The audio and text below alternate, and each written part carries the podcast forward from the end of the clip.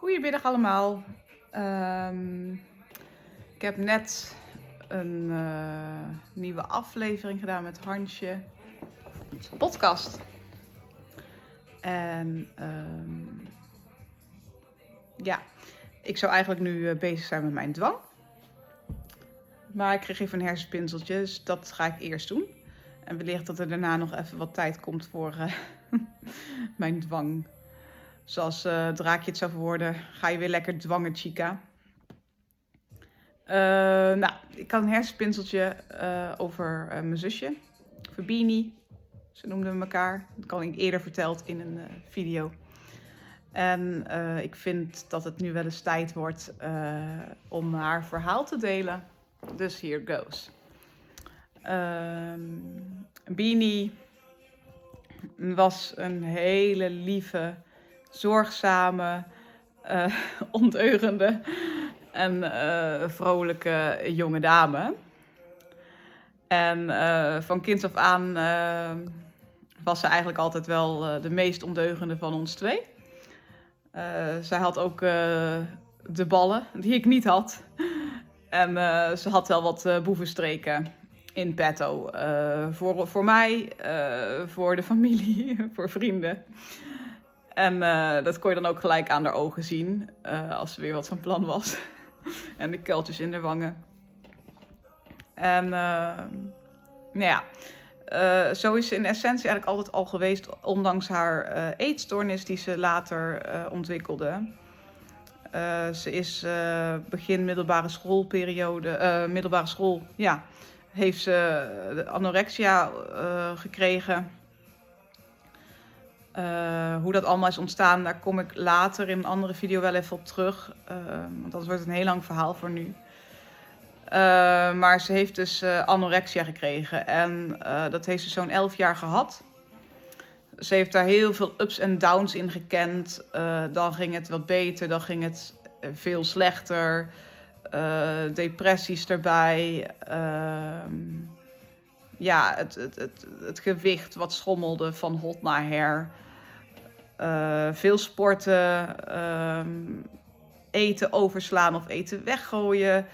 Uh, allerlei trucjes die ik niet ga benoemen, want ik ben bang dat dat misschien andere mensen kan triggeren of op ideeën kan brengen. En dat is niet mijn intentie met deze video. Ik wil alleen haar verhaal delen. Um, maar goed, eh, gaandeweg uh, was wel duidelijk dat het gewoon niet meer gezond was waar ze mee bezig uh, was. Want wat ik me goed kan herinneren nog, was dat we, dat mam, Stephanie en ik uh, samen gingen sporten, fitnessen. We zouden wat meer op het eten letten qua ja, wat gezond is en wat minder gezond. En zij sloeg daar op een gegeven moment in door. En zij wou elke ochtend Jane Fonda opzetten op de tv om te sporten. En mam die had op dat moment nog niks door, wat ik niet gek vind. Want ja, de vraag is waarom heb ik het wel doorgehad op dat punt? Uh, dat, dat weet ik nog steeds niet. Misschien een soort van intuïtie of een gevoel. Uh, maar daar trok ik de lijn. Ik zei jongens, ik doe daar niet meer aan mee. Dat vind ik wel heel obsessief worden. Dus ik was daar al afgehaakt en Steve ging daarmee door. mam is natuurlijk op een gegeven moment ook gewoon daarmee gestopt. Want die zag uiteindelijk ook dat dat gewoon ja, too much werd.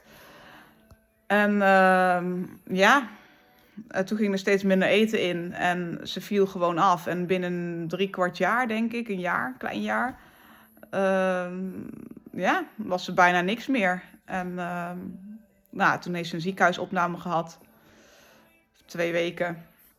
Op de kinderafdeling met heel veel pijn en moeite, waar mijn ouders nog voor moesten vechten ook nog. Ik snap niet waarom, want ze zat echt uh, op een randje, naar mijn uh, idee. Ja, en uh, sindsdien heeft ze eigenlijk heel veel uh, gedaan aan therapieën. Uh, ook alternatieve therapieën ernaast. want ze heeft wel echt van alles geprobeerd. Alleen, ja, ze voelde zich doodongelukkig met die anorexia. En wij noemden dat stemmetje in de hoofd wel eens Ursula, om het een naam te geven. Dan was het wat, ja, makkelijker om het erover te hebben ook. En om het, om het, ja, om het te begrijpen ook. voor haarzelf en voor ons. Uh, er zijn heel veel ruzies geweest binnen het gezin. Uh, um, heel veel conflicten. Uh, het, het, is ook echt de spuigaten uitgelopen vaak. Hè? En het lag natuurlijk heus niet allemaal aan die eetstoornis. Want ik heb dus ook mijn verhaal. En daar kom ik in een andere vlog ook nog wel een keertje op terug. Ehm, maar dat was allemaal wel heel moeilijk. En ik ben ook onheus tegen haar geweest. Ik heb eruit gescholden voor van alles en nog wat. Want ja, ik voelde me vet machteloos. Ik wilde juist, uh, ik wilde haar helpen. En ik kon niet aanzien dat, dat mijn zusje langzamerhand ja, verdween. Uh, ze, ze, ze, was ook niet zichzelf meer. En fysiek was ze gewoon hartstikke ongezond. En ik had daar geen grip op. En uh, op school had ze ook allerlei trucjes. En haar vriendinnetjes kwamen bij mij langs om te vertellen wat ze wel en niet deed met het eten. En ik ging dan weer politieagentje spelen. Ja, en uiteindelijk heb ik haar tegen, haar tegen het harnas aangedreven daarmee. Met dat gedrag van mij. En ik snap nu ook dat dat dus niet werkt. Uh, bij niemand niet. Uh, ja, maar goed, dat, dat wist ik toen nog niet. En uh, nou ja na veel gecontroleerd van mij uit, van mama en papa uit, van de omgeving uit naar haar toe, ja, is dat toch steeds verder achteruit gekacheld alsnog haar stoornis. En um, ja, ook ondanks therapie. Um, ja, ze kon het een beetje managen, want ze heeft uh, wel uh, gestudeerd nog. Ze heeft een MBO-diploma weten te behalen, waar ik echt super trots op ben dat ze dat heeft weten te halen. Want ja, het is eigenlijk een 24-7 job. Uh, die Ursula in haar hoofd. Probeer dan nog maar eens te studeren. Want ja, haar hele kopie zat gewoon al vol. En toch heeft ze dat gehaald. En dat maakt mij de meest trotse zus ever. Um, ze heeft nog uh, vrijwilligerswerk gedaan. Ze heeft ook wat baantjes gehad. Uh, ze heeft echt lopen knokken om, om, om iets van haar leven te maken. Ze, ze heeft de kracht blijkbaar in zich gevonden om te strijden. Um, ze had een leuk huisje in Malden waar ze woonde. Had wat vriendinnetjes, niet zoveel, maar toch. Hè, had wat mensen om zich heen.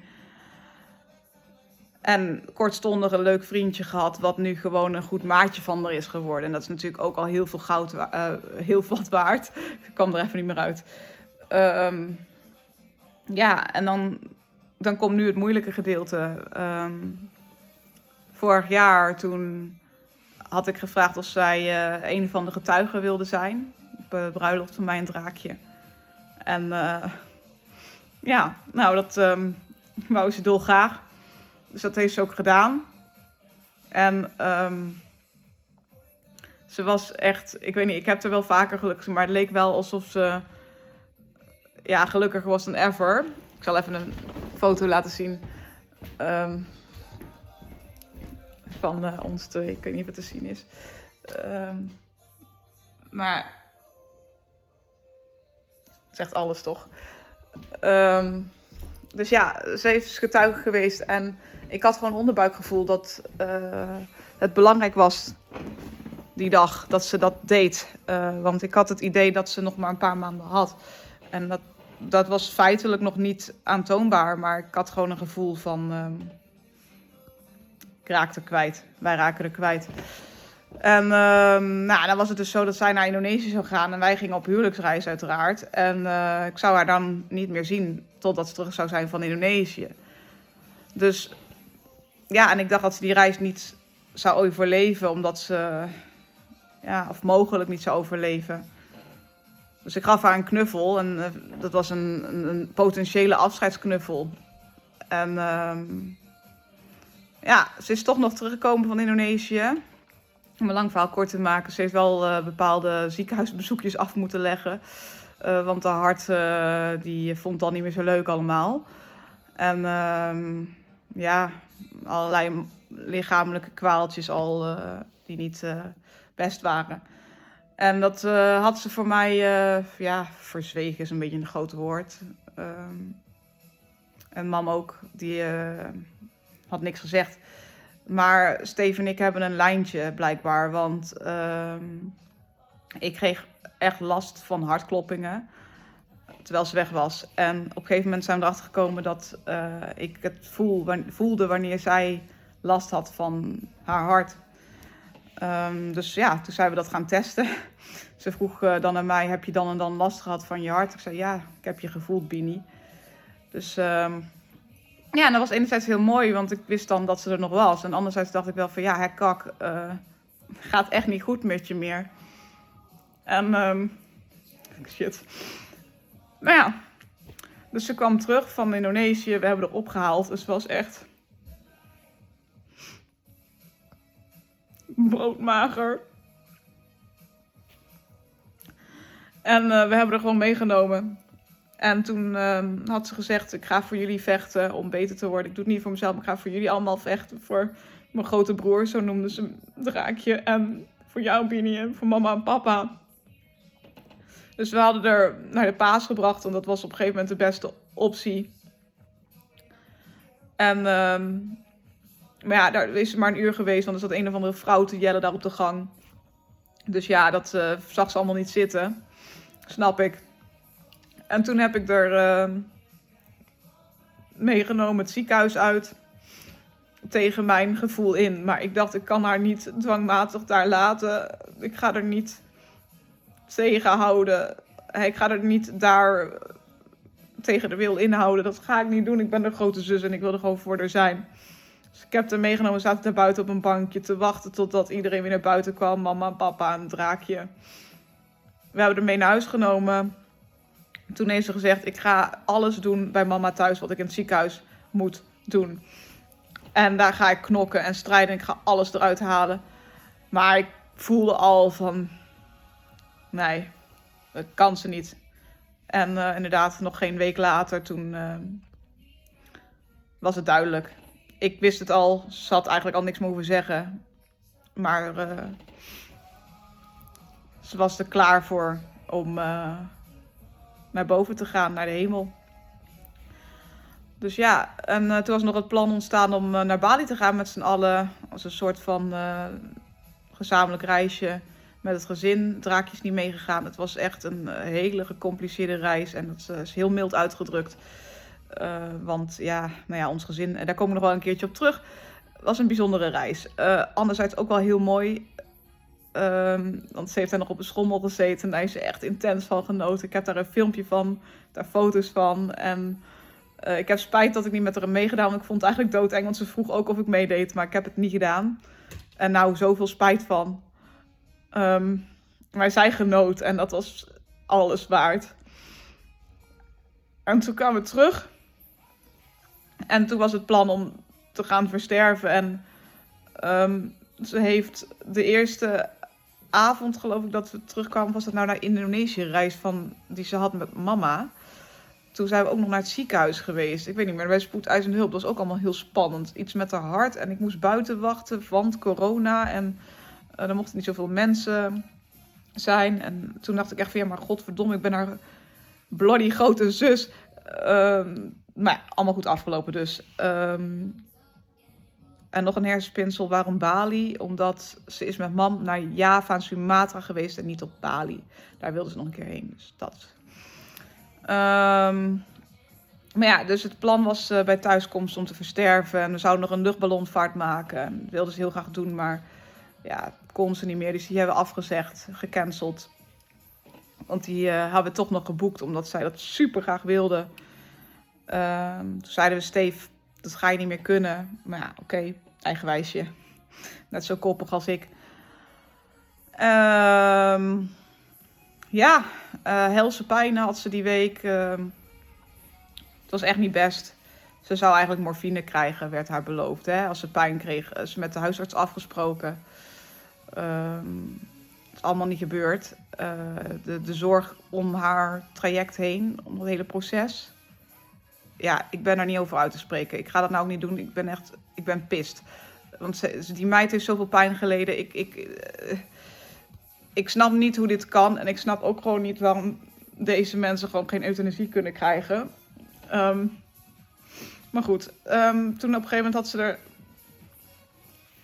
laatste hapje een drankje gehad. En um, die dag ben ik uh, met Draak zijn motor gaan ophalen. En ik wist gewoon dat ik snel weer naar, hem, naar haar toe wilde gaan. Want ik dacht van, het voelde gewoon alsof ik naar haar toe moest gaan. En uh, dat klopt ook. Dus ik ben met, ik weet niet, een noodvaart ben ik over de snelweg gereden terug vanuit Kuik naar Bergendal. En ehm, ik kwam aan en ik zag al van dat ze dat het niet meer lang zou duren. En ik wist ook dat ze de volgende dag met moeite zou halen. Dat gevoel had ik heel erg bij. En ik had samen met mam besloten dat ik dan. dat ik dan bij haar zou blijven. Thuis. Hè? Ik zou niet meer weggaan. En. Um, een draakje is nog bij haar geweest. Die heeft er nog geknuffeld. Die heeft nog met haar gesproken. En ik heb er nog met mama gemasseerd. En ik zei nog zoiets tegen haar van... Ik ben heel slecht in masseren, Bini. Maar ze vond het fijn, want dat mompelde ze nog net uit haar mond. Dat was de laatste zin die ze echt kon uitbrengen. En uh, iedereen taaide af. Papa taaide af. En ging naar huis. En uh, was op zich prima. Mama en ik gingen waken. En Stephanie ging slapen. En uh, het was een hele rustige slaap. En um, ja, mam die viel denk ik even kort in slaap of net niet, amper misschien. En ik was niet in slaap te krijgen en ik zag hem. Ik lag op de bank en ik had het gevoel dat ik bij Stephanie zijn, maar ik deed het maar niet. En ik zag een lichtflits voorbij komen en dat vloog richting haar. En toen dacht ik van ja, ik moet toch even bij haar kijken. toch even bij haar zijn. Want ze had een bed, het bed van haar lag in de, het ziekenhuisbed in de woonkamer van mama's huis. En uh, ben gaan kijken en uh, op een gegeven moment uh, zag ik dus dat ze in een ademhaling zat. Die ik heel goed herkende van uh, oma toen ze overleed. En uh, ja, toen wist ik het. Dus ik heb iedereen ingelicht. Papa, die is gekomen. Antoine, ehm, dus die goede vriend van haar. En Manzana, ons beste vriendinnetje, is gekomen. nou ja, mama en ik waren er uiteraard al. Dus uh, een draakje heb ik geappt. En uh, nou, hij heeft het volgens mij niet heel goed geïnterpreteerd dat ik bedoelde. Hè, want ik zei van ze gaat snel. En hij had het geïnterpreteerd als van ja. Dat ergens in de loop van de komende dagen of zo. Dus hij is thuis gebleven. Dat is maar goed ook, want hij hield. Ja, wie houdt er nou wel van dode mensen? Maar was niks voor hem dit. En uh, ik denk dat Steve dit ook goed vindt zo. Ze heeft mooi afscheid van. Uh, hij heeft mooi afscheid van haar kunnen nemen. En dat was prima. En iedereen was er. En ik zat bij haar eh, hoofd. Ik, had er, uh, ik was er aan het aaien. Nou ja, zullen zeggen, twee uur? Tweeënhalf uur, denk ik niet. Nou ja, het heeft zo'n twee uur geduurd. Die ademhaling. Ja. Toen was het stil. Toen was ze gegaan. Ja, maar ja, dat is voor haar wel beter zo. En ik ben echt. Ik ben blij dat ze is gegaan, want ze heeft zoveel pijn gehad. In die week. Maar ook daarvoor, omdat ze gewoon niet in aanmerking komt voor een fucking euthanasietraject. Geen morfine heeft gekregen. Ze heeft gewoon vet moeten lijden. En dat is vet oneerlijk, want ze was zo'n lieve meid. En ik gun niemand zoveel pijn. Maar haar al helemaal niet. Het doet gewoon pijn om je zusje te zien lijden. Om die pijn te zien hebben. En daarom moet dit verhaal gedeeld worden, want niks is zo kut als dit. En ze heeft zo lopen knokken, ze heeft zo haar best gedaan. En ik ben gewoon blij dat ze nu haar rust heeft gevonden. En ik, ik geloof ook oprecht dat ze nu snode plannen heeft erboven. En dat ze die aan het uitvoeren is en ondeugd uh, aan het trappen is. Maar zo had het niet moeten gaan. En daar ben ik gewoon, ja, daar moet verandering in komen. Dus dit is Bini's verhaal. En ik, ik hoop oprecht dat er verandering gaat komen binnen de euthanasiewereld voor jongeren met psychische problematiek. Um, ja, nou, dat was het jongens. Um, ik ga even een glaasje water halen, want dit was uh, pretty intense for me. Dank jullie wel voor het luisteren en een fijne middag of zo. Het is een beetje een rare afsluiting wellicht, maar um, ja, ik hoop, ik hoop oprecht dat, dat, dat jullie haar verhaal in leven houden. Dat verdient ze.